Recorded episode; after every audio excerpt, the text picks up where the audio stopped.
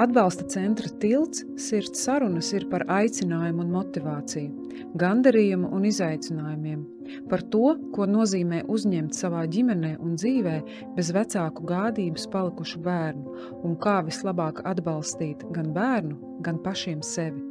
Labdien, labdien visiem! Mani sauc Dāca Rence, un šis ir atbalsta centra tilts sirds sarunu cikls – Un šodien mums atkal ir kāds ļoti īpašs viesis. Man ir īpašs viesis Anna, Anna Gubermane. Sveika! Man, Anna, ļoti liels prieks tevi redzēt klātienē. Mēs ar tevi tikāmies attālināti. Nu, tu varbūt mani neredzēji, bet es piedalījos Zoom apmācībās tiltā, kur tu dalījies ar savu pieredzi ar auģu vecākiem par pusauģu audzināšanu. Un toreiz es atceros, es sēdēju, klausījos, un man likās, es ļoti gribētu parunāt ar Annu klātienē. Un paldies par tavu atsaucību, paldies, ka tu atradi laiku. Un visā šī juceklī un visā, kas notiek apkārt, paldies, ka tu esi šodien šeit.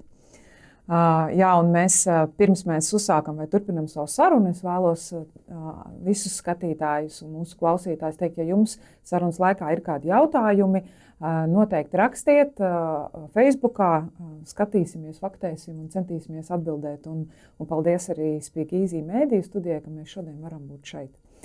Anna, nu tad klau. Pastāsti varbūt īsumā par sevi, Ko tu vēlētos, nu, cilvēks, kurš nekad nav tevi redzējis un dzirdējis, lai viņš saprotu, kas ir Anna Gubermana? Wow, wow. Nu, Pirmkārt, paldies tev, Dārce. Un man šķiet, ka es tevi redzēju, bet viss, kas varēja būt, protams, nu, kā, man arī prieks būt te. Un ko tad es gribu, lai cilvēki par mani varētu zināt? Nu, pirmām kārtām, es tiešām esmu cilvēks, kurš strādā pārsvarā ar bērniem un pusauģiem. Un pēc tika, izglītības es esmu gan speciāla pedagoģe, un arī strādāju kā speciāla pedagoģe arī mm -hmm. pašlaik, gan arī drāmas terapeite, kas arī ir, manuprāt, ļoti svarīgi, tā, svarīga daļa no manas identitātes. Bet arī esmu krīzes konsultante, un pašlaik tā, tam arī ir ļoti liela aktualitāte. Un arī narratīva praktiķe, bet šitais skan diezgan no nu, tā diezgan baisi un tuvi kaut kādam maģiskam procesam, bet tas nav nemaz tā. Tā ir vienkārši viena no tāda postmodernistiskas pasaules pieejama terapija, kad mēs vienkārši kopā ar klientam ejam cauri viņa dzīves stāstiem mm -hmm. un no tā veido palīdzam klientam izveidot pašam citu savas dzīves stāstu, mm. kurš vairāk atbilst viņu vērtībām. Mhm. Nu, izklausās ļoti plašs tev tas spektrs, un, un, un jā, ka tu daudz. Bet īstenība, īstenība tā, tā ir plus mīnus viena jomā, un jāsanāk tā, ka, principā, neskatoties to, ka es pārsvarā strādāju ar bērniem un pusauģiem, es arī daudz konsultēju viņus vecākus, tāpēc, ka, nu, tā ir mm -hmm. sistēma, jā, mm -hmm. ģimene ir sistēma, un nevar, nu, tā kā labāk, ja mēs to redzam visu kopumā un varam kaut kā kaut kāda veida palīdzēt un kaut, kā, kaut kāda veida kā, varbūt virzīt to funkcionēšanu kopā ar viņiem tajā vajadzīga virzienā. Un tāpēc arī ir tā, ka dažreiz es uh, strādāju ar pusauģiem, ar bērniem, bet dažreiz runāju ar vecākiem -hmm. un augu vecākiem. Brīnišķīgi. Uh, sākotnēji, kad es uzaicināju tevi uz sarunu, uh, man bija konkrēta tēma, par kuru es ļoti vēlējos, lai tu vairāk padalies. Jā, tā ir tāda um, aktuāla tēma mums arī darbā ar auģu vecākiem un ar adaptētājiem, un tas ir piesaiste. Un tad gaidot šo sarunu, um, protams, daudz kas mums apkārt, tāds veids, viss mums apkārt ir mainījies. Un, un es arī tev vienā brīdī rakstīju un teicu, Anna, varbūt mums ir jāmaina tā, tā sarunas tēma, varbūt cilvēkiem ir šobrīd kaut kas aktuālāks, un tu teici, nu, skatīsimies, kā ies. Ja? Un es ne, negribu un nevaru ignorēt uh, Ukrainu un notiekošo mums apkārt. Un, uh, Un pirms mēs varbūt um, ienirstam piesaistes tēmā, es gribēju tev arī pajautāt, nu, kā tu jūties, jo pirms sarunas tu teici, jā, padalījies nedaudz. Es, es, es gribētu tev arī pajautāt, jā, ko, kā, nu, kā tu šobrīd pati jūties? Nu, kā es jūtos? Es jūtos, ka cilvēks, kurš ir pret karu. Un kurš neviena brīdī nevar šito akceptēt. Un tad, kad tu nevari akceptēt realitāti, nu, tas tas nav ērti, tas nav patīkami, un tas izraisa ļoti daudz procesu iekšā, ar kuriem kaut kā ir jātiek galā, arī citiem notiek līdzīgie procesi, varbūt citi iemesli pēc, jo mēs esam ļoti dažādi, bet mums visu notika. Pārsvarā visos pašlaik notiek kaut kādi procesi, kuri ir tikai vairāk vai mazāk uh, saiet kopā ar to, ko mēs darām ikdienā. Un tātad bieži tā ikdiena ir ļoti stipra pretrunā ar to, kas mums iekšā un ko mums gribas translēt uz ārā. Mm -hmm. Tāpēc arī pirms šīs sarunas es tev arī teicu, ka no vienas puses man šķiet, ka ļoti svarīgi, ka ļoti svarīgi lai tā, nu, tā nebūtu tā, ka visa pasaule runā tikai par briesmām, ir ļoti svarīgi turpināt tās liet, darīt tās lietas, kuras mums palīdz izdzīvot ikdienā, kuras mums ir svarīgas. Vajag arī just, ka tu esi kopā ar savām vērtībām. Un tāpēc piesaiste ir tā tēma, par kuru man gribētu šodien parunāt no vienas puses, bet no otras puses es jūtu, ka man ļoti grūti sakoncentrēties. Un runāt par, kaut, par kaut ko citu, nevis par to, kas ar mani notiek šajā brīdī. Mm. Paldies par atklātību. Jā, nu, nu centīsimies. Un, un kā mums sanāks, mēs ceram uz uh, skatītāju un klausītāju tādu līdzjūtību, žēlstību un sapratni. Un, ja jums ir arī kāds jautājums uh, par šo tēmu, nu, varbūt praktiski padomi vai tehnikas vai metodas, ko darīt vai nedarīt, kā runāt ar bērniem vai nē, es domāju, droši rakstiet, un, un sarunas laikā es nolasīšu šos jautājumus un uzklausīsim arī um, Annas viedokli. Uh, bet nu, runājot par piesaisti. Ja? Um, zinām, Džons Bolbijs piesaistīts teorijas uh, pamatlicējs un aizsācējs, ja? varbūt gan speciālistu, gan nespeciālistu um, vidū ļoti dzirdēts. Ja? Bet kā tu, Anna, teiktu no tādam parastam klausītājam, kurš varbūt nav mhm. lasījis grāmatas un apmeklējis kursus, kas ir piesaiste? Man liekas, viņš ir tāds kā buzzword, ja? ir tas mhm. teiciens, tāds populārs vārds, par kuru šobrīd visi runā, bet paskaidro. Jā, tā tad piesaistē, paša, par piesaistē mēs pašlaik runājam pat. Pats speciālistu vide dažādos kontekstos un dažādas nozīmēs. Bet tad, kad mēs atceramies par Bolbiju, kurš tiešām ir tas galvenais cilvēks, kuru mēs vienmēr atcerēsimies, un kurš vispār ir iemācījis pasauli pavisam, tā kā ir pilnīgi izmainījis pasauli šajā ziņā. Jo pirms Bolbija īstenībā, nu tā kā skaļi neviens nerunāja par to, ka bērniem, kā zidainiem, ir kaut kādas vajadzības, svarīgas vajadzības. Ok, varētu -hmm. būt, ka vajadzības ir, bet svarīgas vajadzības izņemot no tādas fiziskas vajadzības, ka viņam vajag būt pabarotiem, ka viņam vajag attiecīgi būt saķertiem, un te, ka Nu, pilnīgi labi. Nu, tas bērns taču viņš neko nesaprot, nu, un viņš arī neko neatcerēsies. Tad, nu, priekš kā mums pulēties un darīt priekš viņa vēl kaut kās. Un īpaši, ok, negribas pieminēt karu, bet īpaši pēc otras, kā pirmās un arī pēc otras pasaules kara laika bija ļoti svarīgi, jo bija ļoti daudz bērnu. Bija ļoti daudz bērnu, kuri palikuši bez aprūpes. Un vai pat, ja viņam bija kaut kādi radīti, nevarēs par viņiem rūpēties, Un tad, nu, tad vai visus kā saliksim siltumā, tā kā būs jumts, mēs viņus pabarosim, mēs ļoti pareizi viņu pabarosim. Un Tajā laikā bija tā, pēc otrā pasaules kara, tur bija arī ļoti nu, apzināta medicīnas nozīme. Tad mēs visu medicīniski pareizi izdarīsim, kā barosim viņus kā pēc pulksteņiem, un viss būs, un būs ļoti ok. Mm. Un īstenībā, protams, tajos smagos laikos tam bija ļoti liela nozīme, bet tas nemaz nebija viss. Un tiem bērniem, kur tur gulēties bērnu namos, un diemžēl tas arī joprojām notiek, vai atzīsimies. Godīgi, protams, daudz mazāk, bet tomēr tie simts gadi ļoti ietekmē situāciju. Ne, uh, tātad Viņš bija pirmais cilvēks, kurš ļoti skaļi un zinātniski pareizi teicis un parādījis un pierādījis, ka tas tā nav. Un īstenībā viņš nestrādāja viens pats.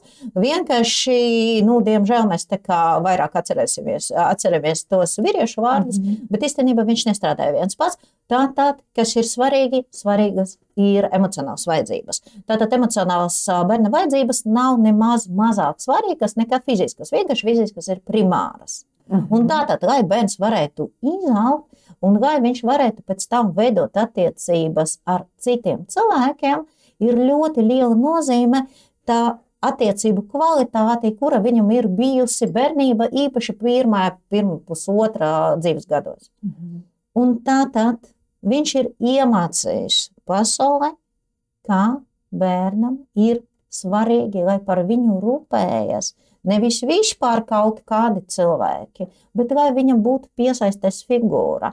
Jo bērna smadzenes, ja mēs runājam par bērniem, viens, divi, trīs gadu vecumā, viņš tā smadzenes nav gatavas kaut kādiem astoņiem cilvēkiem, tur nezinu, trīs uh, audzinātājas, tur trīs augītes un vēl kaut kādas divas figūras. Jā, ja tie cilvēki mainās un viņi baro katru reizi cits cilvēks. Viņš pat arī nu, fiziski, viņam nav smadzenes, uh, spējas ar smadzenēm mm. apstrādāt tik daudz sēnes. Ja?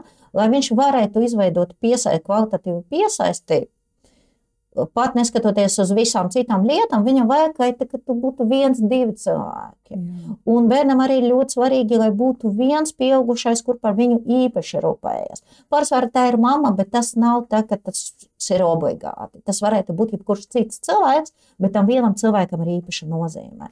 Un bez tās cilvēks arī nevar veidot.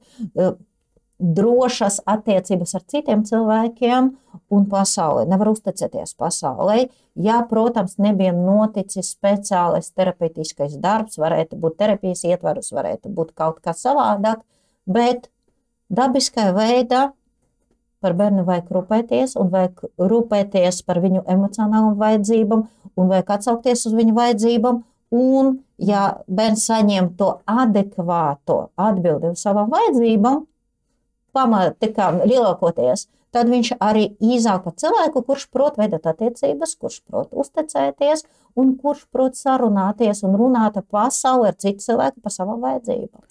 Ai, labi, Anna, tad no visa tā, ko tu uh, tagad pastāstīji, es tā mēģināšu kodolu, nu, tādu jā. I, i, oh, jā, jā, izlobīt jā. tādu kodoliņu. Ja? Tātad tas, ko tu saki, ka bērnam nepietiek tikai ar viņa fizisko vajadzību apmierināšanu. Pirmais punkts. Nu, Pirmais nu, punkts. Jā, protams, tagad kara apstākļos es arī nevaru nedomāt par to, ka šobrīd nu, tur Ukrainā un ka tie bērniem tur ir pamatvaidzības principā drošība, vai ne? Vienkārši saglabāt dzīvību, paēst un tā. Nu, tas, tas ir minimums tāds. Ja? Bet, bet vispār bez tā ir vajadzīgs, tu teici, emocionālo vajadzību apmierināšana. Vai tu vari, un, un droša persona. Ja, tā tad viena droša jā. persona ar nozīmīgas pieaugušas. Vai tu vari pastāstīt vairāk par tām emocionālajām vajadzībām? Es pieļauju, ka daudzi varbūt arī īsti netver vai ne, īsti nezina, kas zem tām emocionālajām vajadzībām slēpjas, vai ko tas nozīmē. Tas nozīmē, jā, tas nozīmē daudz ko, tur tiešām daudz kas slēpjas, un tiešām tā vajadzība pēc sava nozīmīga pieaugušā, pie, pēc tā cilvēka, kurš izskaidro mums, kas notiek, Un izskaidro ne tādā ziņā, ka vai tūlītās bērniem izstāstīsim visu, kas tur noticis, un tā kā visas ziņas viņam izlasīsim, bet izskaidro, kā klausies, es esmu tavs cilvēks, es par tevi rūpēšos, es būšu tas, kas visu sakārtos un kuram ir spēks. Ar mhm. mani tu esi drošība. Mhm. Tā ir tā primārā emocionāla vajadzība.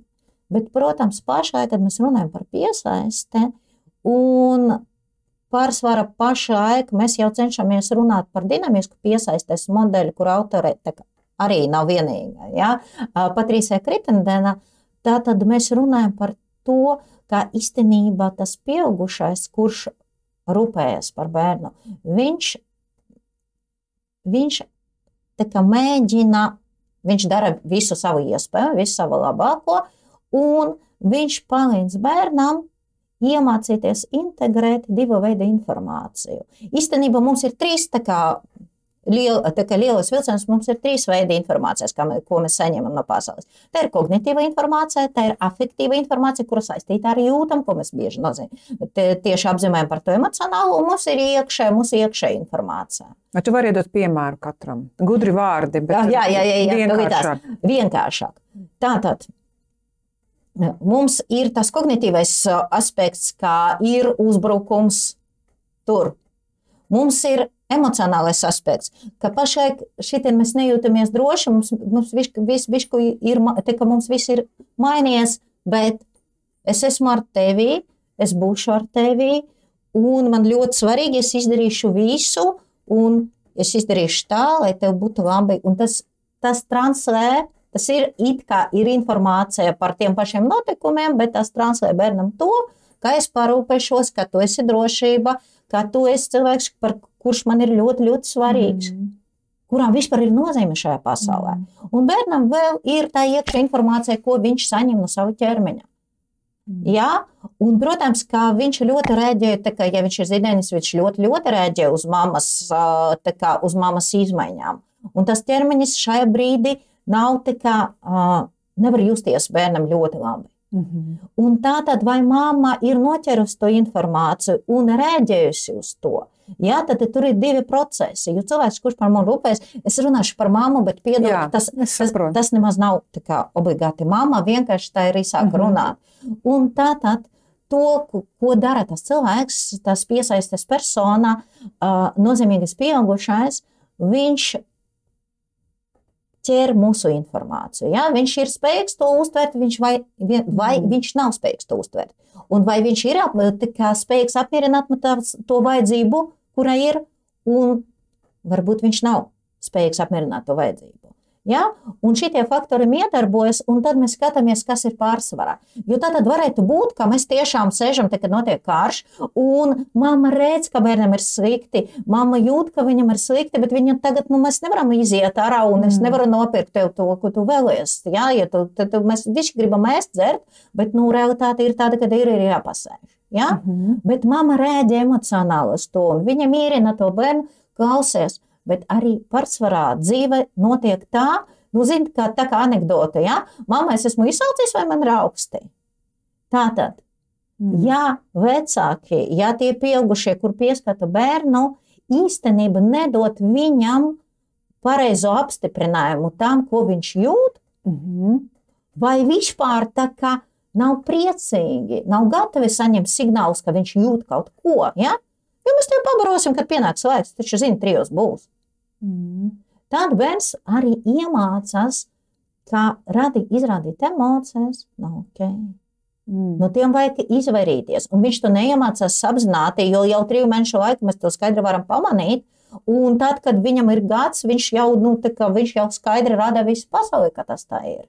Tas nav tā, ka tas neiet runā, kad mēs runājam par to dinamisku piesaistes modeli.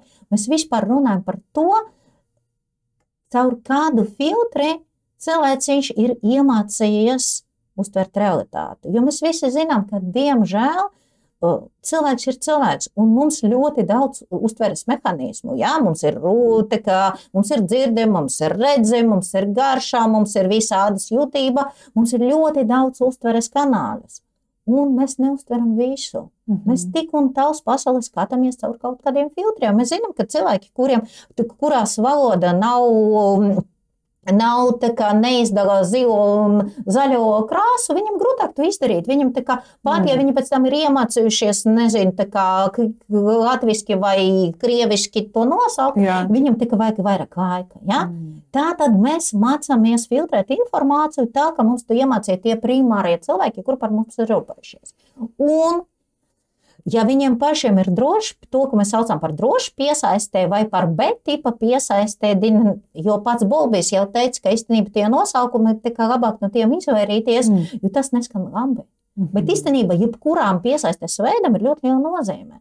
Jūs saprotat, cilvēks, kurš dzīvojas tādā drošībā, un kurš viss bija ļoti labi, un uz viņu rēģē tad, kad viņš nonāk bīstamos apstākļos, nu, īstenībā ar viņu diez vai būs uzreiz labi.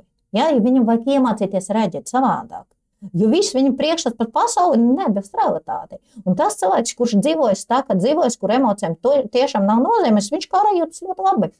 Hmm. Emocijām nav nozīmes, un viņš nejūt sāpju īpaši. Ja? Jo tas tieši es, kas, to kas, par ko es jau runāju, par to, ka ir kognitīva informācija, ir tā um, afektīva informācija un vēl informācija no mūsu ķermeņa. Pēc tam, kad mēs augam, īstenībā tā informācija no mūsu ķermeņa par izsalkumu, par sāpi, tā iet kopā, tā tuvinājas tajai emocionālajai informācijai, ja, afektīvai. Un cilvēkam, kuram ir tā izvēle, to, ko mēs saucam par izvērīgu piesaisti vai par atīpu, tādā cilvēks mācās to ignorēt. Jo manai vecāki nav apstiprinājuši, ka tas ir ok. Raudāt nav ok, kliegt nav ok, ēdiens būs tad, kad būs. Mhm. Un Tev vajag samīļot. Zinu, ko tu izdomāji. Nedaudz atpakaļ atejot, um, tad kā tu teiktu, kurš vai ir kaut kāds konkrēts laika posms, kas ir pats svarīgākais, kad viņa izauga, attīstās Aha. tā piesaiste, vai Jā. viņa veidojās un stiprinās, nu, es nezinu, visu līdz 18 gadiem vai visam mūžam? Nu, tas baigi forši. Jā, jā, Jā, nu, jā, jā. kā ir? Redzi, protams, mēs zinām, ka jo tā kā agrīnāko periodu mēs ņemam, jo svarīgāk. Ja? Mēs iemācījāmies kā valodu, mēs iemācījāmies pirmā pusotra gadu garumā. Mhm. Bet, protams, ka arī pēc tam, kad mēs attiekam jaunus cilvēkus, tiem ir ļoti liela nozīme. Tāpēc mēs arī runājam par zinātnieku, tie, kuri pēta piesaisti, run, viņi runā par to, ka īstenībā līdz skolas vecumam bērns izrāda vairākus piesaistes modeļus, un pēc tam viņš tā kā vēl. Tie piesaistes modeļi, viņš izvēlas tie, kuri vairāk der tiem dažiem cilvēkiem, ar kuriem viņam visvairāk ir komunikācija, un kuri ir visvairāk atsaucīgi uz viņa vajadzībām. Mhm. Tātad cilvēkam varētu būt viens piesaistes modelis ar mammu, un otrs piesaistes modelis nu, zinu, ar auklīti vai ar audzinātāju bērnu dārzā vai pat ar skolotāju skolā. Un vēl varētu būt oma. Bet pārsvarā mēs izmantojam vienu modeli. Bet mums ir pieeja arī citiem, un es arī pēc sevis zinu, ka es varu savā uzvedībā, tad, kad es to analizēju, izdalīt, jā, šitais man ir jā. Tā kā man, man ir atpazīsti kā. Jā, jā, es varu atpazīt. Iespējams, ka ir vēl daudz, ko es nevaru atpazīt. Mhm. Ja? Par šo arī atceramies. Bet pat no tā, ko es varu analizēt, kas ir pieejams, kur manā, man, manai refleksija, es varu atpazīt gan to lielāko, gan arī to mazāko Mhm. daļu. Vai tu vari pastāstīt, kāds tad izskatās tas bērns, par kuru vecāki ir primāri nu, rūpējušies tikai par tām fiziskajām vajadzībām? Jā, un Kad īstenībā viņš izaug, nezinu, viņš nonāk Aha. skolā vai viņš jau ir pieaudzis, kāds Jā. ir? Tur arī ir nozīme tam dinamiskajam modelim. Jo īstenībā tas nav, ka ir kaut kādi atsevišķi vecāki, ļoti specifiski, mm -hmm. kuri ir rūpējuši tikai par fiziku. Mhm. Protams, varētu būt. Ja? Bet svarīgi, ka mums katrā tā ir, un arī dzīves situācijas ir ļoti dažādas. Es arī izstāstīju, ka varēja būt, ka tiešām nu, vecāks nevarēja rūpēties par citu. Ja? Jo mēs dažreiz saslimstam, dažreiz mums, nezinu, abas rokas ģips, un mēs nevaram viņu paņemt klepī. Visādas situācijas mēs gadīties, un mēs katrs dažreiz uzvedamies tieši tā, ja? kā vecāks Mhm. vai kā aprūpētājs. Pirmām kārtām. Otrām kārtām tas varētu būt arī cilvēkiem, kuriem ir tā saucamā droša piesaiste. Arī daļai no tiem ir bijuši, ko vecāki ir apstā, apstopējuši to emociju izpausme. Un mēs zinām, ka dažādām tautām, ka ir tautas, kuras nu, ļoti, mēs varam pat nu, tā globāli paskatīties. Ja? Ir tautas, kur ļoti izpauž savas emocijas, un ir tautas, kur nav pieņemts tik ļoti izpausties. Ja? Un tas nozīmē, ka vecāki, jo bērni piedzimst nu, plus mīnus, nu, ok, ir arī ģenētiski. Īstenībā, kāpēc mums eksistē piesaiste? Ja? Tāpēc, ka mēs esam ģenētiski prepo, tā kā, gatavi. Predisposition. Jā, predispozīcija, jā, Tas ir pateikt, jā, labi. jā, tātad mēs esam ģenētiski gatavi, bet kāda būs tā piesaiste, kāda būs tā piesaiste kvalitāte, būs atkarīgs no tā, kas ir mums ir noticis, tajos, īpaši tajos pirmais divos gados. Un tātad, jā, dažreiz, piemēram, tāpēc, ka mēs dzīvojam ziemeļos, mums tā nav. Tā kā, nu, jā. Un tas varētu būt arī pie drošas piesaistēs. Bet varētu būt, kā piemēram, nu, kā no dzīviem cilvēkiem. Ja? Tātad bērnam ir kaut kāda diagnoze, ne īpaši briesmīga diagnoze, bet viņam ir problēmas ar veselību. Tāpēc vecākiem bija pateikts, ka labāk, lai viņš tā kā īpaši neskrietu, īpaši tur nelēktu, un tā kā, nu, nu, nu, nu bišku izvaramies arī no citiem bērniem. Un tātad Viņam taču emocionāls vajadzības, viņam ir tādas pašas, kā jebkuram citam bērnam. Viņam gribas lēkt, un viņam gribas skriet, un viņam gribas nu, visu to bērnu figņu darīt. Un viņ, viņš ir gatavs, bet vecāki viņam. Ja viņam īpaši, kā īpaši, ja viņam pašam tas kognitīvais aspekts ir pašā augšā, un tas kā šķiet viņam ļoti svarīgi, un viņš, nē, tu īsti negribas, tas tie tiem kā sliktiem bērniem. Zini, tā kā, nē, tu vari pamācīties, vai izlasīsim, iemācīsimies vēl vienu pantiņu, ja? Un tad viņš zina, ka viņš ir labs tad, kad viņš mācās. Mhm. Un viņš arī tā sežot, tā kā, un viņš tad aizvien mazāk pieprasa vecāku uzmanību, un viņš sēž un ļoti labi mācās, un viņš tā kā pienāk pie mammas vai pie tēta vai pie kāda cita pilkšķa, tikai parādīt, vo, redzies, uzzīmē, redzies, tā kā esmu izlasījis, es esmu iemācījis, un kad man tur tā kā smaidiņu tā kā pielimēja audzinātāja dārziņā. Un viņš iemācās, ka jo vairāk viņš izrāda tas kognitīvas lietas, tā kā Kognitīvas tā tad vienkārši darbību kaut Jā, kādu. jā, jā. un Mhm. tie bērni, un arī, ja mēs ejam tā kā uz leju, jā, pa to apli, kur tā kā vide jau nedrošāka un nedrošāka, mēs arī zinām, ka tie bērni, kuriem tā kā tas kognitīvais aspekts bija pacelts, un galvenais, ka tas emocionālais aspies, tā kā apspiest, tad bērns ir aizņemts ar kaut ko. Šitie ir tie bērni, kuri neprasa pieauguši tālāk, tālāk, jo zemāk, jā, jo zemāk, jo trakāk. Mhm. Un tāds bērns, viņš sēž, spēlēs viens pats, tā kā viņš kaut kā līdzīgs autīskam bērnam, bet tas nav par autismu. Mhm, Ne, neviena, neviena, neviena reize, ja? bet viņš sēž un, lai sevi nomierinātu, jo bīstamākajā situācijā, jo vairāk viņš ņemas ar priekšmetiem. Un Mhm. tād, kas, kas ar viņiem ir tā kā, tā kā visbīstamākais, ka ja vi, ka viņi nesaņem palīdzību tajā agrinā vecumā, līdz Mhm. pusaudžu vecumam, šitie ir nenormāli ērtie bērni. Viņš nekliedz, viņš tā kā viņam neko nevajag, viņš mierīgi sēž spēlēt ar ar kucīšiem, ar visu ko, ar kaut kādu figņu, viņš pats var, var, var sevi nodarbināt, un vecāki vai īpaši tas ir svarīgi auģu ģimenēm. Ja? Zināt, ka šī uzvedība, un viņš ir gatavs ar visiem draudzēties, viņš ir ļoti labestīgs, jo viņš zina, ka viņš izrādā, ka viņam nav īpaši nu, nekas savējas emocijas, tad viņu pieņēma. Un viņš ir gatavs draudzēties ar visiem, bet tā draudzība nav dziļā. Viņš neprot veidot dziļas attiecības, bet viņš prot smaidīt. Un šie bērni ir vienmēr ar smaidu. Viņi vienmēr ir gatavi sarunāties, un viņi var spēlēties. Un viņam ļoti labi, kā viņi nepievērš, nu, kā viņi neprasa lielu uzmanību. Jo viņi ir iemācījušies, ka, ja es kā lūkšu uzmanību tāpat, tāpēc, ka es te esmu, tāpēc, ka man ir kaut kāds iekšējs vajadzības, nu, bļāvēns, nu, tas labi nebūs. Mhm. Un, ja es tā kā mierīgi sēžu, un tāpēc auču ģimene bieži šķiet, ja tie tie tiešām nav speciāli informēti par piesaisti un par tām vajadzībām, kuras zem tā slēpjas, tad šķiet, ka bērns ir ļoti labi adaptējies, jo viņam ar visiem ir labas attiecības. Šīm bērniem, šiem bērniem nu, tiešām ar visiem ir labas attiecības. Un viņiem ļoti ērti un viss, un viņš tā kā nehisterē, viss ļoti labi adaptējas, neko nevajag, un pēkšņi tad pusauģu vecumā, jo visas vajadzības eksistē. Ja? Un, ja nu, tā, man piesiet vienu roku, nu, man nebūs ērti. Ja? Es varu pierad, tikai pierast kaut kāda veida, bet pēc tam, tad, kad man vajadzēs pildīt jau visu, to, darīt to, ko vispārējie dara, tad nu, nav īstenībā tik labi nesanāks. Un tad parādās tie uzvedības traucējumi, ko bieži cilvēki, kuriem nav informācijas, tika nosaka, ah, viņš taču ģenētiski, mēs zinām, ka viņam tur bija narkomāni, alkoholiķi, prostitūts, un viņš, jo viņš tiešām tie, tas vajadzības, kuras ir sakrājušas, Mm. tas arī izpaužas tad, kad pienāk pusaudža vecums. Un tas nemaz nav par ģenētiku. Mm, interesanti. Bet tad pasaki, nu, kāpēc tieši pusauģa vecumā? Nu, tā īsumā, nu, kas tur tā, nu, labi, hormoni Oh, mainās. jā, jā, hormoni, hormoni.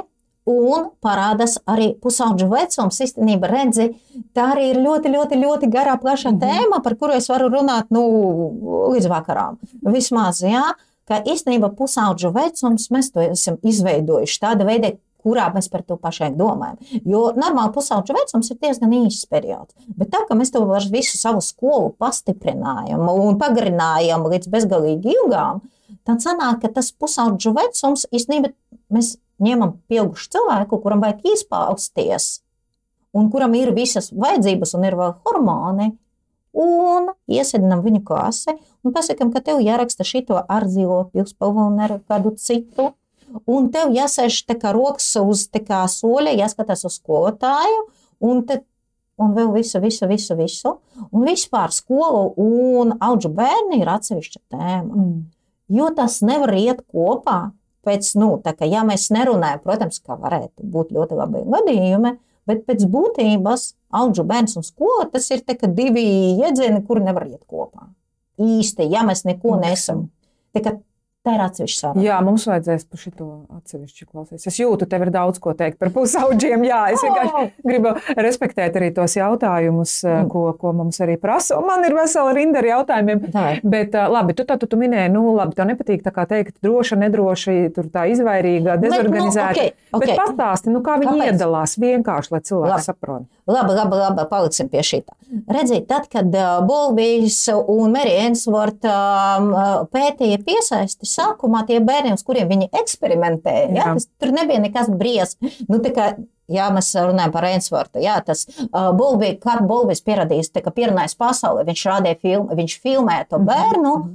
Kurš, kuram bija atņemta mamma, ok, tas nebija tā, ka viņu tā speciāli atņēma. Jā, Ma- mamma bija jābrauc uz dzemdību nāmu, bet mēs neko nezinājām. Viņa vienkārši iestumā bērnu dārza grupiņā un visu filmēja. Un tad, kad viņš redz mammu, mēs redzam to reakciju, un mēs saprotam, ka tā reakcija ir tāda, ka būtu man, nu, nezinu, kā bija Romeo, ja viņam atņem Džulietu, un pēc tam tur tā kā radā, kā viņa ir, tā kā, kā viņas kāzas ar citu cilvēku. Apmēram tāda, un mēs nevaram tagad noliegt, ka tam bērnam ir emocijas sakarā ar mammu. Ja? Ne tikai sakarā ar pieniņu un, put, kā un putriņu. Vienkārši vairs nevarēja par to pateikt. Jā. Un tad, kad Mērija Ensvarta pētīja bērnus un attiecības ar mammu, viņa sākumā ņēma vide, nu, kā midlklās Mhm. cilvēkus, un tāpēc viņi izdalīja arī trīs tādas pamatreakcijas. Viens bērns ir bijis, un ņem vērā, ka tur tika eksperimenta mammai vajadzēja ievest bērnu istabā, kur bija mantiņas, un vajadzēja kā mammai kaut kādu brīdi būt ar bērnu, un pēc tam iziet, un pēc tam tur ienāca vēl cits cilvēks. Un, redziet, tas ir process, tu nevari vienkārši to izdarīt. Ja? Un tad mamma bija jāizdomā, jo mammas nu, ir normāli cilvēki, kur cenšas izpatikt tā, tam eh, eks- tā kā eksperimentatoram, un tad nu, viņam vajadzēja kaut kas sarunāt ar to bērnu, nu, kaut kā. tā. Jā. Un viņas ir mēģinājuši dažā- dažādas, tā kā, ta, viņi rīkojas tā, ka viņi rīkojas dzīvi plus mīnus. Ja, un tad izrādās, ka ir tie, kurus bērni ir, tā kā, kuriem ir interesanti, kad viņi ienāk uh, istabā, kur ir mantiņas, viņiem ir interesanti, kas tur ir. Un viņi īsti nebaidās, ja tur ir svešs cilvēks, un viņi spēlējas un rada mammai, o, klausies, vēl kā, nu, rada, jā, mantiņa, un šita, un šita, šita, un tad mamma aiziet, un viņi tā kā, nu, nu, ok, jā, bet tad, kad mamma atnāk, viņa priecājās. Jo īstenībā viņam nebija liels trauksmes. Man izgāja, jo mamma nu, tā kā dabiski iet tur, nezinu, uz virtuvi, atgriežas un ir ok, un viņa zina, ka tā mamma nepazudīs. Mhm. Un tad, nu, tā šit nosauc par drošu piesaisti vai pabēt tipu. Un tad ar to ir, nu, ok, un tad izaug tas cilvēciņš, un viņš arī prot pastāv, tā kā viņš tic, ka pasaule principā pēc būtības ir laba, ka pasaule varēs apmierināt viņas vajadzības, ja tā kā mīļais cilvēks ir aizgājis, tad mm, droši vien viņam bija kaut kāda vajadzība, un viņš atgriezīsies. Jā. Un tad viņš neprasa visu laiku pierādījumu, un nezvanīs, tā, ka tu šodien man mīli, Mm. pēc divām stundām kā būs, Jā. Un tad nu, ar viņu viegli veidot attiecības. Un bija tie bērni, kuri īstenībā nu, īpaši nepētīja neko. Jo viņiem tā kā lielāka enerģija aizgāja uz to, lai tā kā ska- pa maliņu skatīties, vai tā mamma vēl ir. Mhm. Un tas arī mammas arī pielietoja visādas kā, taktikas. Jo bija mammas, kuras pēc tam eksperimentos arī solīja, es tev atnesīšu kaut ko garšīgu, es tev nop- nopirkšu saldējumu. Un pēc tam, kad viņas bija atpakaļ, viņi bija bez saldējuma.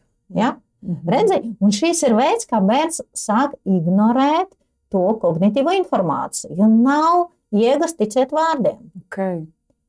Saprotiet, iet runa tieši par šito. Ka, jā, man visu laiku kaut ko stāsta, ka mēs tūlīt tas tu, tu uzvedīsies labi, mm, meitiņa, un tad mēs pēc tam iesim laukumiņā. Ja? Un pēc tam es gribu skatīties, tāpēc, ka man ir seriāls. Mhm. Un tad man zina, ka nu vienalga, ko tie vārdi ir, ko tie vārdi nozīmē. Un tad redzi, tad, kad mēs. Es iešu prom no šī, bet es, man šķiet, ka tas ir tik svarīgi, lai es saprastu to modeli. Kad mamma, nu, mamma viņa sēž un skatās seriālu, ja kā Anna runā tajā tagad Facebookā, ja? Bet nevajag kaut ko. Un tad viņš sāk, un tu pienāk, nu, mamma, mamma, mamma, mamma, mamma, nu, paskaties, nu, paskaties, paskaties, jā, man ir interesanti, ja? Jā.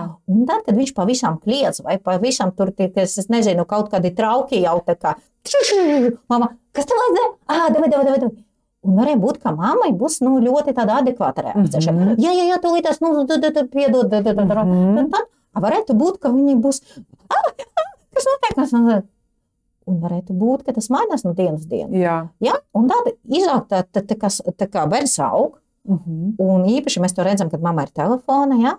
Un tad bērns viņš iemācās, ka vienalga, ko mamma teica, pēc piecām minūtēm, pēc piecām minūtēm, tūlīt zinu, paēdīsim, tad es noskatīšu šo filmu un tad būšu.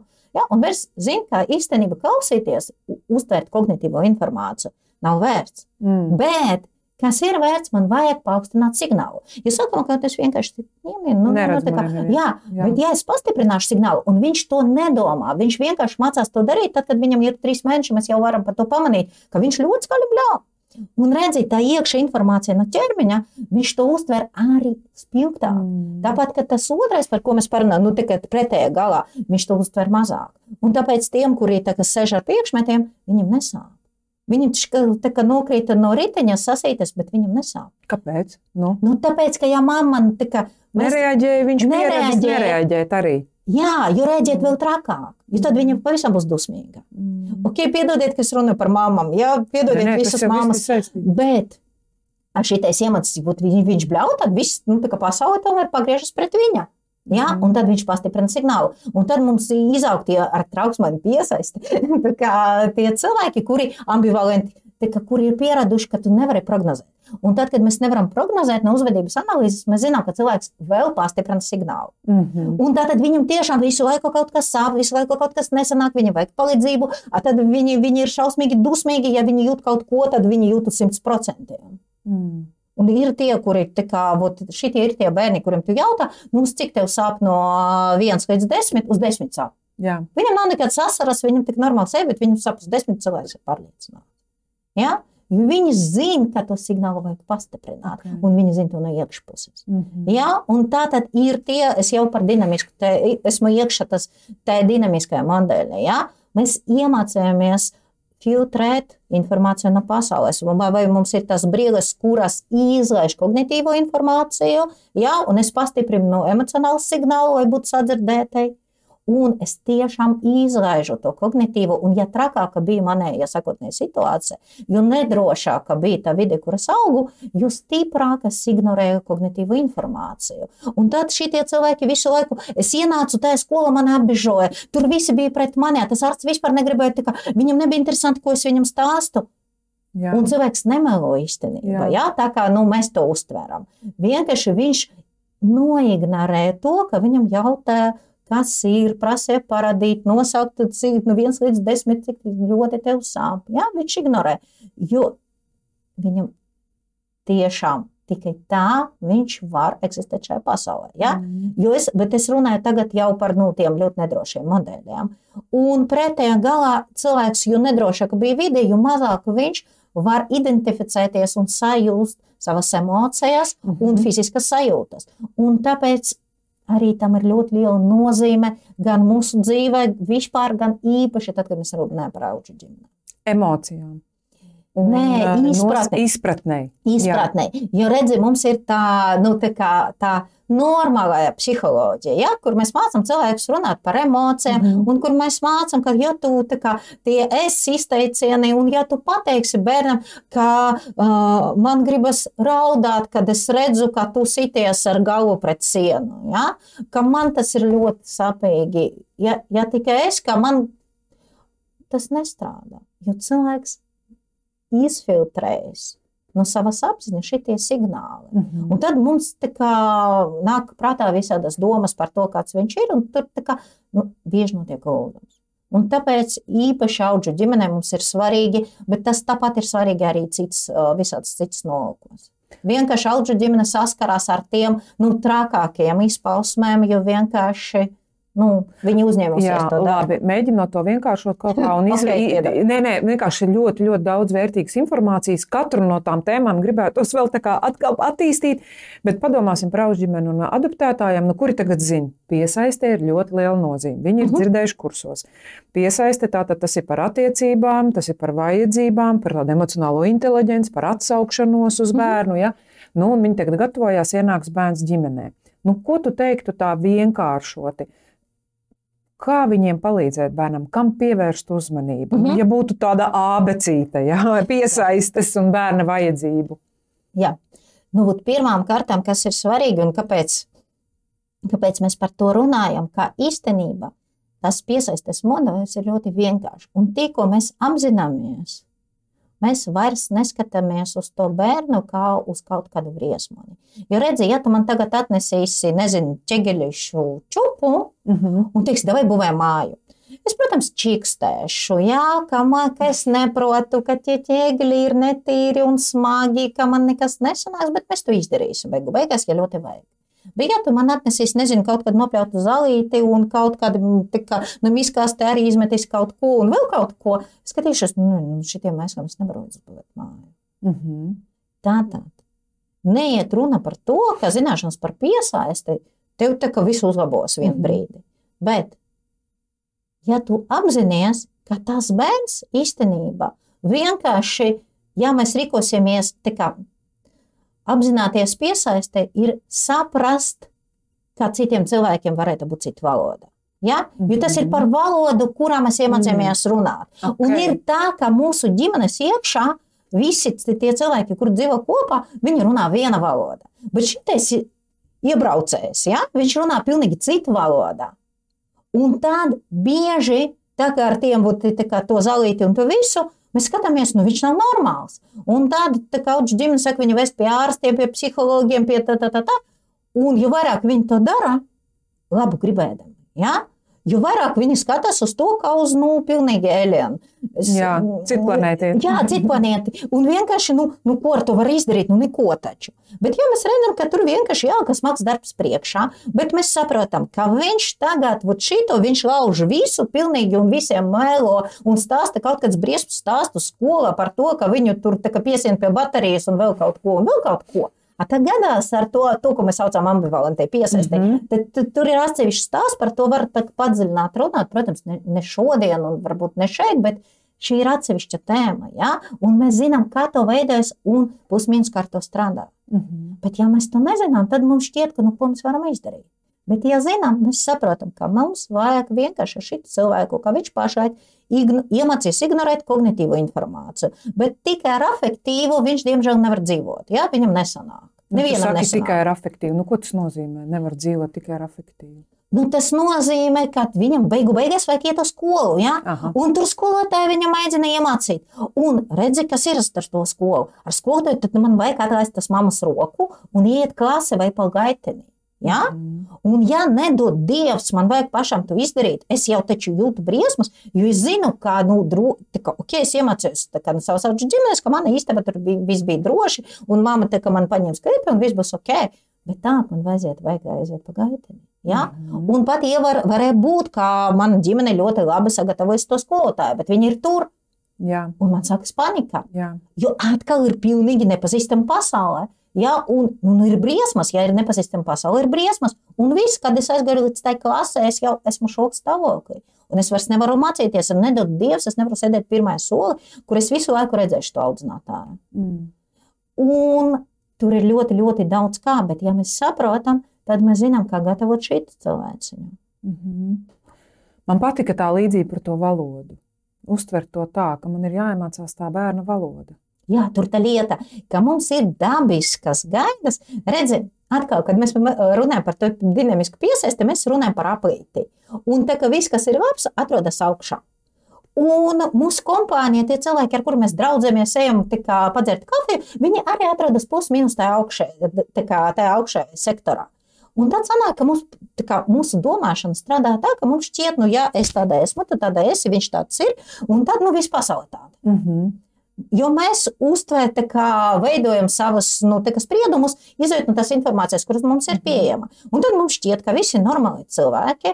Ja ar viņiem labi uzvesties, tad pēc kāda laika viņi pieradīs un būs arī forši labi cilvēki. Mm -hmm. Mēs paņemsim to bērnu no briesmīgiem apstākļiem, varbūt arī no labiem apstākļiem, bet par kuriem mēs neko nezinām. Ja? Un tā, nu, sākumā viņam būs grūti, viņš tur kā mums pateiks tie sliktie vārdi, varbūt vēl kaut kas, bet pēc tam, nu, taču ar laiku viņam vajag pierast, jo viņš taču redz, ka es viņu, pie viņa nāk tikai ar labu. Jā. Un tas ir normāli, jo mūsu pieredze ir tāda. Pat Jā. ja es no tevīm baidos, bet ja es redzu, ka tu labi, nu, tā kā esi tāda laipna forša un smaidi, nu, es arī kaut kas saku, Mhm. smaidi. Bet nifigā nav. Jo, ja viņš ignorē teiksim, to efektīvo informāciju, ka tu smaidi, ka tu nāci kā, Mm. un ar labu balsi viņam sniedz roku. Viņš redz tikai, kā viņu, kā viņu telpa ielaužas kaut kāda roka. Viņš nenolasa to signālu, ko es sūtu. Jā, jā, bet redzi, mēs tā kā visa šī, visa šī situācija ir par to, ka man ir neapzinātas gaidas, par to, ka viņš pielāgosies. Bet īstenībā man nemaz nav nekādas tiesības gaidīt no bērna, ka viņš paņems un pielāgosies. Īstenībā es uzņemos šo darbu, piedodiet, mīļie adoptētāji, ja, un augu ģimenes. Tas skan skarbi, Jā.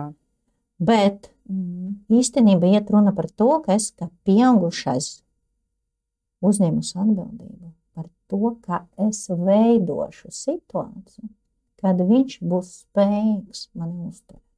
Mhm. Un šīs ir mans darbs. Protams, ka ir abi gadījumi. Un tos varētu būt, ka ir lielāka daļa pat tie labie gadījumi, kad bērns tieši pielāgojas, kad viņš ir spējīgs to uztvert. Jo tas nav tā, ka viņš pilnīgi nogriež, tas ir paši, tikai paša, paša, paša, paša, paša zem, zemākajā sektorā.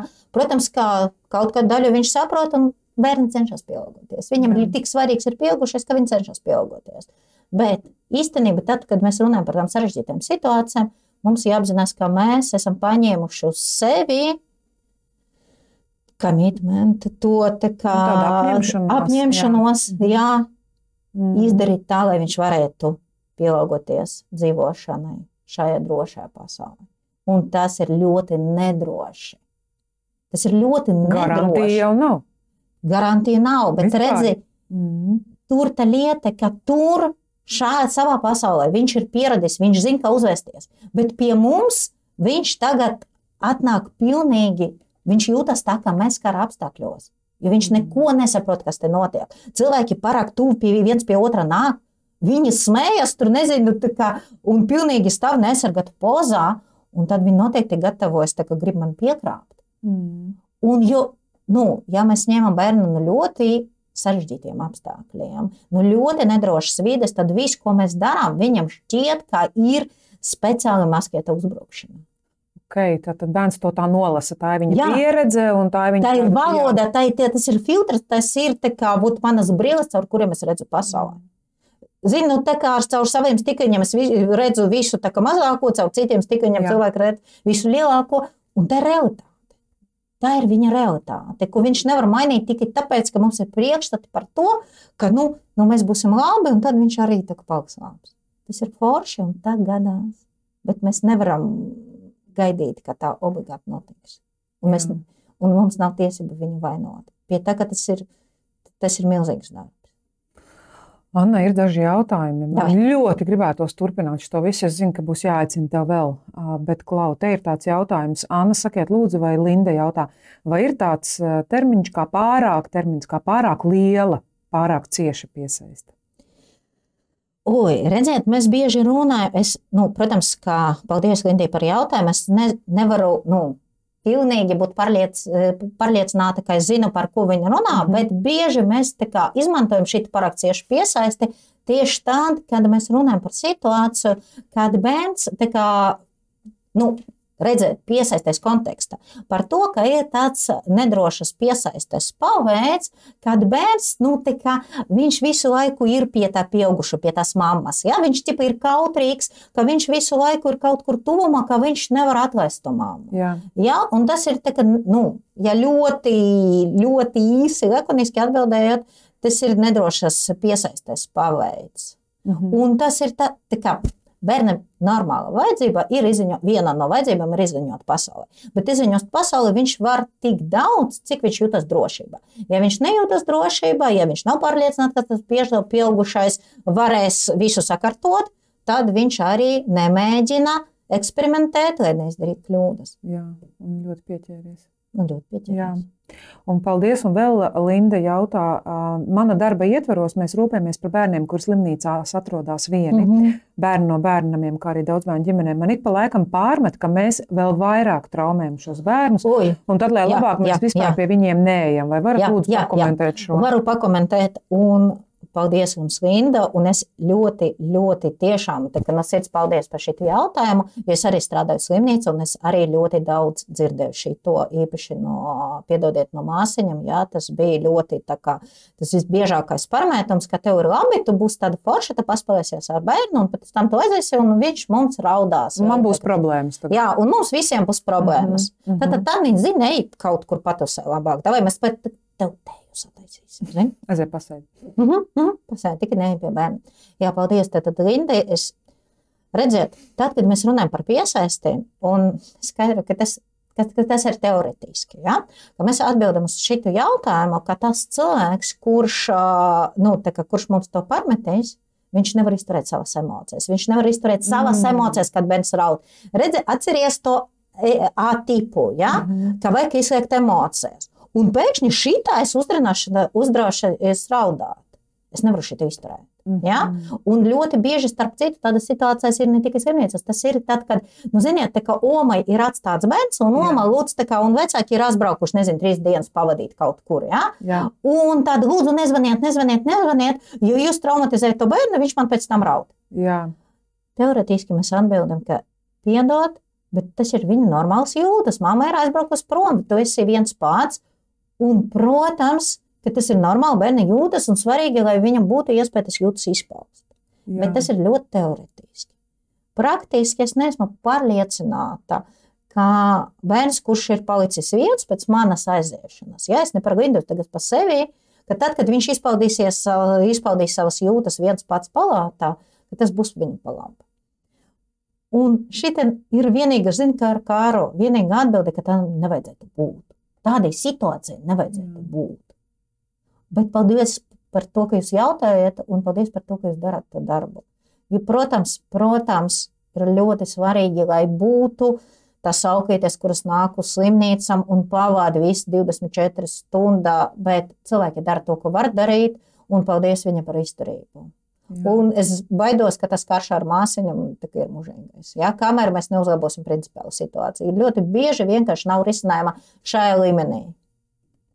Ļoti interesanti. Atkal, nu, tas, ko no tā, ko tu saki, es saprotu, ka principā tas ir stāsts par manu, nu, ja es teiksim, būtu māsiņa, ja, par manu spēju tolerēt otru emocijas. Un ko es ar viņām daru? Nu, vispār, Jā, un tas izpaužās arī citur dzīvē. Bet es cilvēciski saprotu arī māsiņas. Un es arī negribētu dzirdēt šī raudāšanu. Nu, grūti, bet, nu, protams. Jā, jo mums, vi, nu, es nezinu par tevi, bet es arī esmu tas apziņots bērns. Mm. Ja? Un arī, kad manam bērnam, nu, kad īpaši, kad viņš bija maziņš, kaut kas krīt, kad viņš kaut ko dara nepareizi, īpaši, kad viņš cenšas kaut ko gatavot nu, virtuvē, ja? ja viņš kaut ko dara, nu, es redzu, ka tūlītās būs kaut kāds, kaut kāds šmuts. Ja? Man iekšā tā gribas nu, tā izraut no viņa rokām un neredzēt šo. Es vienkārši zinu, ka vajag. Bet, redziet, mēs nevaram, nu, ļoti grūti izturēt bērnu kļūdas. Tāpēc, ka kāds neizturēja mūsu kļūdas. Ok, pagaļāj man par šo padomāt. Ja es būtu piedzīvojusi, ka manas kļūdas kāds iztur un uh mhm. -huh. pieņem, uh mhm. -huh tad es varu daudz mierīgāk un atbilstošāk pieņemt otru kļūdas. Uh mhm. -huh. Un tie bērni, kuri aiziet trakumā, kad bērns nevar izpildīt mājas darbus, tas nav par to, ka viņi tik ļoti, nu, varēja būt kā daļa no tiem vienkārši sapņos par to, ka viņam izaug kaut kāds profesors Karvardā, protams, ja? bet lielākoties tas ir par to izmisumu, ko viņi paši kādreiz sajūtuši ka neviens viņam nepalīdzēja, tad, kad viņi nevarēja izpildīt. Ja? Un viņi cenšas pasargāt, sitot to bērnu, viņi cenšas to pasargāt no tām iekšējām sāpēm, kuras viņam kādreiz bija. Mm. Šis ir garš stāsts. Anna, mums būs jātiekās vēl. Mums ir arī ļoti daudz pozitīvu atsauksmi. Tur ir Romāja gājuši. Paldies! Jā, nekad nebiju skatījusies uz šo no tāda aspekta, tik superīgs skatījums un tā.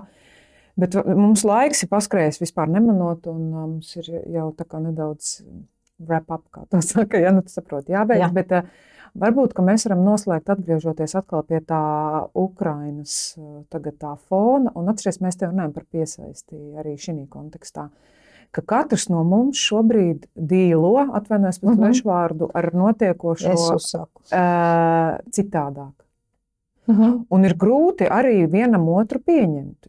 Vienu, kurš, es saku, ielienu laimīgajā stūrītī un grib dzīvot tāpatās kā līdz šim, un, un neredzēt to, kas notiek apkārt. Otram ir svarīgi visu, visu, visu kontrolēt un pāršērot un tā. Un tu teici, ka tas arī ir saistīts ar to modeli, ko mēs esam iemācījušies. Ja, kaut kā. Un tad varbūt noslēgumā pakomentē to. Un, nu, kā mums vienam otru nepazaudēt tagad šī un respektēt. Mm -hmm. Jā, redziet, nu, īpaši tā sakšana no galā, jā, respektēt pašai ir ļoti grūti, tāpēc arī dažreiz vienkārši vajag pišķi apstopēt. Ja?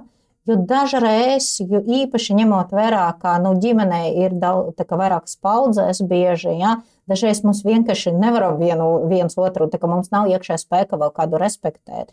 Jo redzi, pašai mēs esam pirmām kārtām stresa tajā asajā fazē, tad, kad mēs tiešām rēģējam uz notikumu neapzināta veidā. Un tas, kas ir, un daži cenšas pasargāties un teikt, tu, ka tur ir mēlī, ka tas ir viss ir izdomāts tikai, lai es tur nezinu, pārdot, pārdot savu īpašumu. Ja nu kaut kā, kaut kā izdomājam, kaut kāds pilnīgi fantastisks modeļus, kāpēc nav te, ka šitiem jāuzticas, nav, nav par šito jādzird, nē, nē, nē, turpinām dzīvot kā ir, pat ja tu tur apkārt deg jau. Un ir tie, kuri nenormāli meklē informāciju, un tad neguļ pilnīgi cilvēks tur guļ pusotru stundu diennaktī un mēģina, un mēģina visus pierunāt un mēģina kaut ko hautiski darīt. Jau ir bet, bijis pie robežas. Jā, jā, jā, jā. Nē, viss cieņa tiem, jā, jā, jā. kur strādā. Viņi nevar citādāk. Viņi nevar citādāk, un par sevi mums ir jāapzinās ka šī stresa asē fāze, kura vēl nonākusi uz mūsu diezgan zemu spēju vispār par sevi rūpēties sakarā ar visu iepriekšējo stresu, jo mums šīs stress ir vienkārši virsū tam stresam, kurš bija pirms tam. Un tad sanāk, ka šīs divas, pirmās divas, trīs asas nedēļas, tas pāries. Mm. Un tad mūsu smadzenes būs kaut cik spējīgas apstrādāt informāciju. Jo pašlaik Šī reakcija ir atkarīga gan no mūsu ģenētiskas predispozīcijas, gan no tā, ka mēs esam iemācīti rēģēt. Vienkārši, un tur nu, mums pašlaik nav spēka to mainīt. Mēs nevaram tieši dilēt ar to, kas ar mm. mums notiek ļoti bieži. Mēs mē, varam mēģināt tikai iesēkt kaut kādus barjerus. Un tie barjeri tiem, kuriem tiešām ir tā haotiska darbība vai haotiska ziņu meklēšana, ar tiem ir vieglāk, jo ar tiem var sarunāties. Tie, kuri noliec realitāti, ar viņiem sarunāties, protams, ir daudz sarežģītāk. Mhm. Bet atcerieties par piesaisti, ja tie, kuri ignorē faktus pilnīgi. Ja? Izslēdzam visu kognitīvu, mēs paliekam pie šitiem ļoti grūti. Mhm. Ar šitiem, kuriem ir tieši tas meklējums, kognitīvi, kuriem ir svarīgs kognitīvais aspekts, es uzzināšu vēl tā kā, tā kā pareizākas ziņas, un tad, būs, tad es visu uzzināšu, un tad es nomirināšos. Un tad mēs varam ar viņiem runāt par to, ka lūdzu, zini, ko tu vari pat paradoxāli. Pirmām kārtām vajag nu, ierobežot to ziņu ienākšanu tieši laika ziņā, un tad mēs varam sarunāt ar cilvēku. Nu, ja tam tiešām mēs redzam, ka viņam grūti, ka viņš to darīs divas, piemēram, divas reizes uh, dienā, no rīta un vakarā, jo pa dienu tik un tā vajag strādāt. Bet mēs liksim speciāli viņam modinātāju, lai viņam būtu obligāti, jebkas notiek, nu tikai ja māja nedeg, protams, 15 minūtes lasi ziņas. Lasi ziņas obligāti, nu, smadzenes pretojas tam mm. īstenībā. Ja? Divas reizes dienā tev obligāti tagad jāsēž visu, jāpamet, nedzer te neko, tikai lasi ziņas.